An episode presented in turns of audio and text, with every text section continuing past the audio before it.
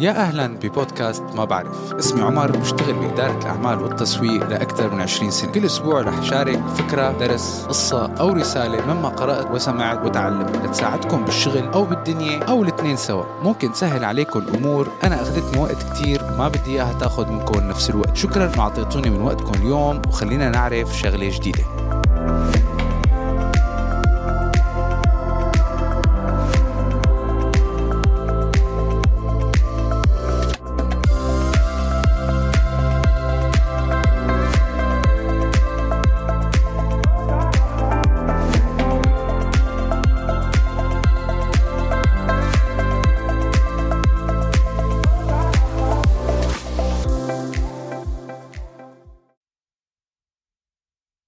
كيف الشغل صار أكثر من مجرد وظيفة؟ هذا السؤال صار لي سنين بدور على جواب لإله بداية مني من لما بلشت شغل مرورا بكل الناس اللي حوالي لنحط الأسس لحديثنا هذا حابب بلش بقصة أكيد كلكم سمعتوها أو قريتوها بكتير كتب بتتطرق للعمل الوظيفة والإدارة. بيقول لك في إحدى القرى الساحلية رجل أعمال كتير كبير كان قاعد على الشاطئ. عم يتفرج على شروق الشمس والصيادين بلشوا يرجعوا على الشط وحاملين الصيد تبعهم لليوم. صاحبنا طلع الصياد والصيد تبعه بإعجاب بالكمية والنوعية. قرب لعنده سأله قال له قديش قضيت وقت لحتى جمعت كل هالسمك؟ جاوب الصياد ما كتير هالكم ساعة قبل الشروق. قال له طيب ليش ما قعدت بالبحر أكتر لتجيب أكتر؟ قال له الصياد ما بدي هي حاجتي واكتفيت اليوم. قال له طيب شو بتعمل بكمالة الوقت اليوم طول النهار؟ يعني باعتبار لسه هلأ الصبح. قال له كتير لسه عندك وقت فاضي فشو حتقعد تعمل؟ قال له ولا شي هلأ برجع بفطر مع مرتي وولادي بعدين بقعد بلعب معهم بعدين بنزل على القهوة تبع الضيعة وبنحكي وبنتسلى أنا ورفقاتي وبعدين بفوت بنام رجل الأعمال انصدم. قال له ليك أنا فيني ساعدك. أنا حامل درجة الماجستير بإدارة الأعمال. وإذا سمعت مني فيني ساعدك تكبر شغلك وتشتري قارب أكبر وبس تعمل مصاري تعمل المعمل الخاص فيك لتعباية السمك. قال له الصياد إيه وبعدين؟ قال له بعدين تنتقل على المدينة وبتفتح مركز توزيع للأسماك وبتعمل مصاري كتير. قال له الصياد وبعدين؟ قال له بعدين ممكن تصير عندك معمل كتير كبير وبتجيب مستثمرين وبتصير بتصدر لكتير دول بالعالم. وبعدين بتبيع هالمعمل وبتصير مليونير. قال له الصياد وبعدين؟ قال له خلص صار ساعتها فيك تتقاعد وتنتقل على قرية حلوة على البحر تقضيها سهر وبسط ولعب مع عيلتك. ضحك الصياد بابتسامة خفيفة وحمل حاله ومشي. هي القصة ترجع لسنة ال 63 مقتبسة من قصة ألمانية ولكن الدرس منها أنه علاقتنا بالشغل بهالاقتصاد المفتوح والضخم والمبني على الإنتاج خلى كل العالم تفكر بجملة واحدة بس إذا أنا عم أنتج معناته أنا عايش إذا بتلاحظوا أول سؤال بنسأله لشخص تعرفنا عليه هو شو بتشتغل حضرتك؟ كأنه الشغل هو مقياس وجودك بالحياة مكتب أبحاث اسمه Pew Research Center عمل دراسة عن شو هو معنى الحياة بالنسبة للناس. معظم الناس جاوبت شغلي وظيفتي مهنتي. كتير قلال الناس اللي جاوبوا العيلة مرتي وولادي مما يدل أن الشغل كان مصدر إثبات وجود بالحياة أكثر من العيلة والأصدقاء وحتى المعتقدات. فوق منها 95% من الشباب والصبايا بالجامعة قالوا إن مقياس نجاحهم بحياتهم هو شغل بشركة كبيرة أهم شيء عندهم. وهذا الجواب جاب أكبر نسبة مقارنة بكتير أجوبة تانية وخاصة بالفئة الغنية واللي حاصلة على تعليم عالي. الموظف صار بالنسبة له الشغل هو المكون الرئيسي لهويته. معنى الحياة ويكون جزء من مجموعة وكأنه الشغل صار معتقد أو حتى دين.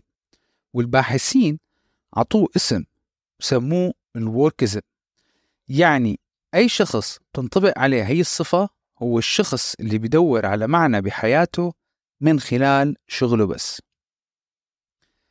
ففي القرن العشرين الشغل انتقل من كونه مهنة أو وظيفة إلى أداة أو وسيلة لتحقيق الذات. بالمبدأ نحن منحاول نحقق المال والاكتفاء النفسي. وهدول الهدفين ما دائما بيكونوا متوافقين أو على نفس الخط. ومع ذلك فئة كبيرة بتحاول تحقق هالشغلتين من الشغل وبالتحديد من الوظيفة.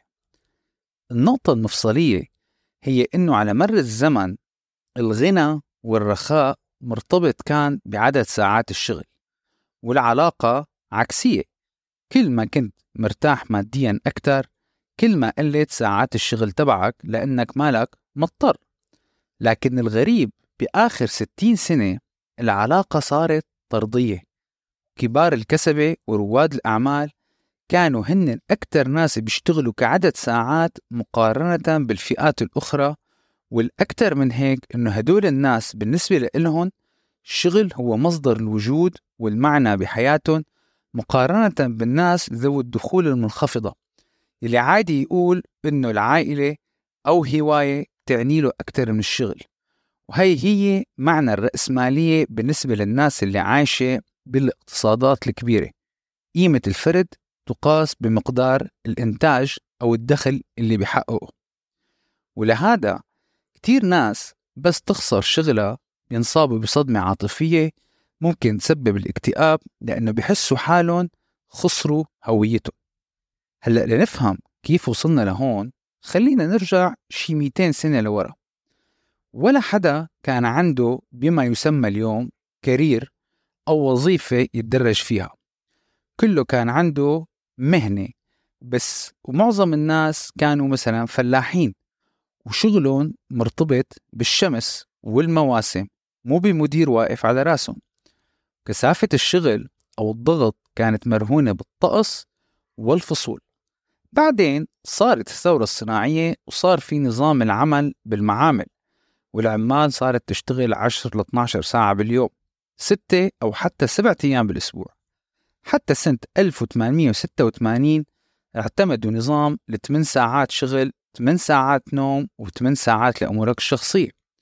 ومن وقتها دائما موضوع ساعات العمل هو محط أخذ ورد بحسب القوانين وحسب الدولة. ومثل ما شفتوا أثناء الجائحة الكل رد يراجع ساعات العمل تبعه.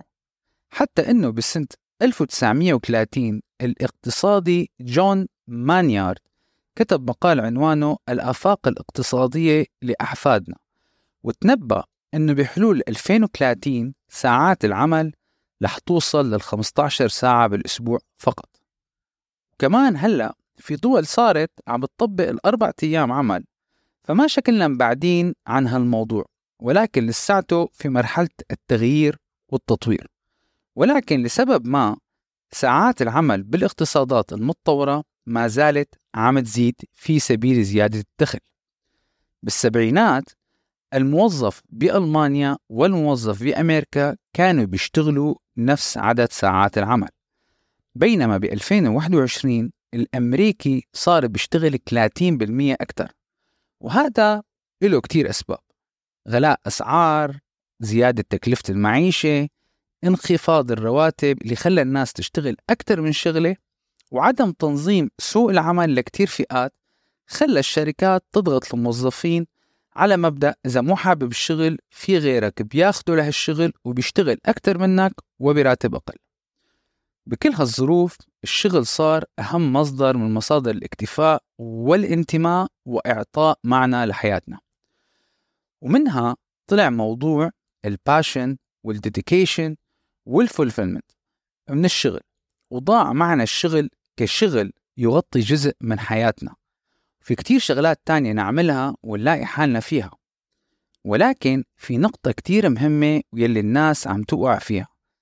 إنه إذا أقنعت حالك إنه الشغل هو اللي حيعطيك الاكتفاء والإنجاز هي الوصفة المطلقة للإرهاق والتعب والضغط وسببه هو الهوس بالشغف يلي هو المسبب الأول للإرهاق النفسي.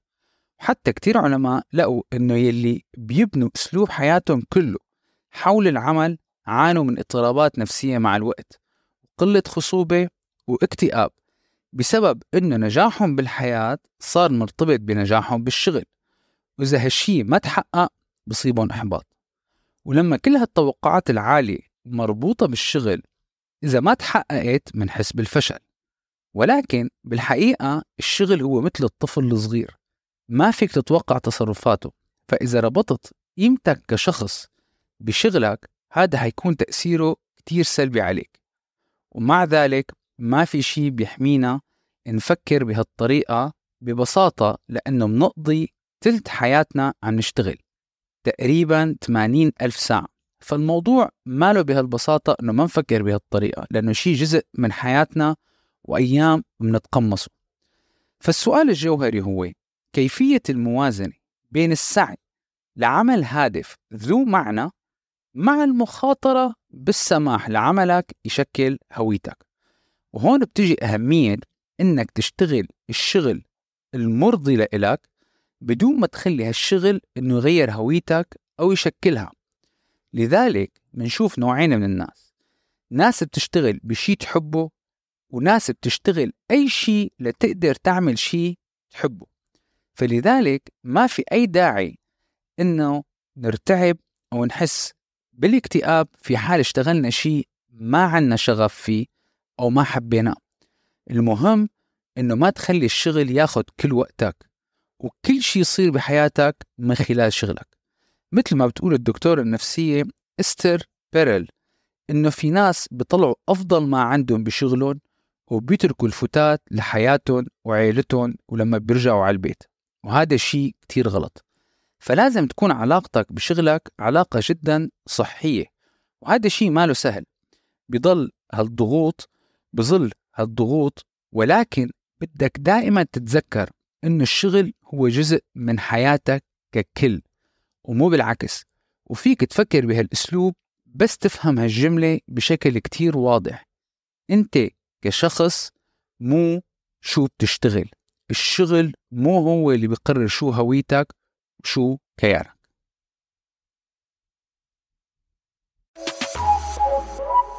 إن شاء الله تكونوا انبسطتوا بحلقة اليوم. حتى موعد الحلقة القادمة فيكم تسمعوا حلقات السابقه وكبسوا ال subscribe على أي منصة عم تسمعوا هالحلقة مشان توصلكم الحلقات أول بأول. وإذا حبيتوا المواضيع اتركوا review على المنصة واكتبوا لي شو حبيتوا أكثر شيء بحلقة اليوم. لا تنسوا تشاركوا الحلقة مع الأصحاب. وإذا بتحبوا تراسلوني على الإيميل أو على أي منصة من منصات التواصل الاجتماعي. هلأ صار الوقت لتكملوا يومكم. بتمنى لكم النجاح وبأمان الله.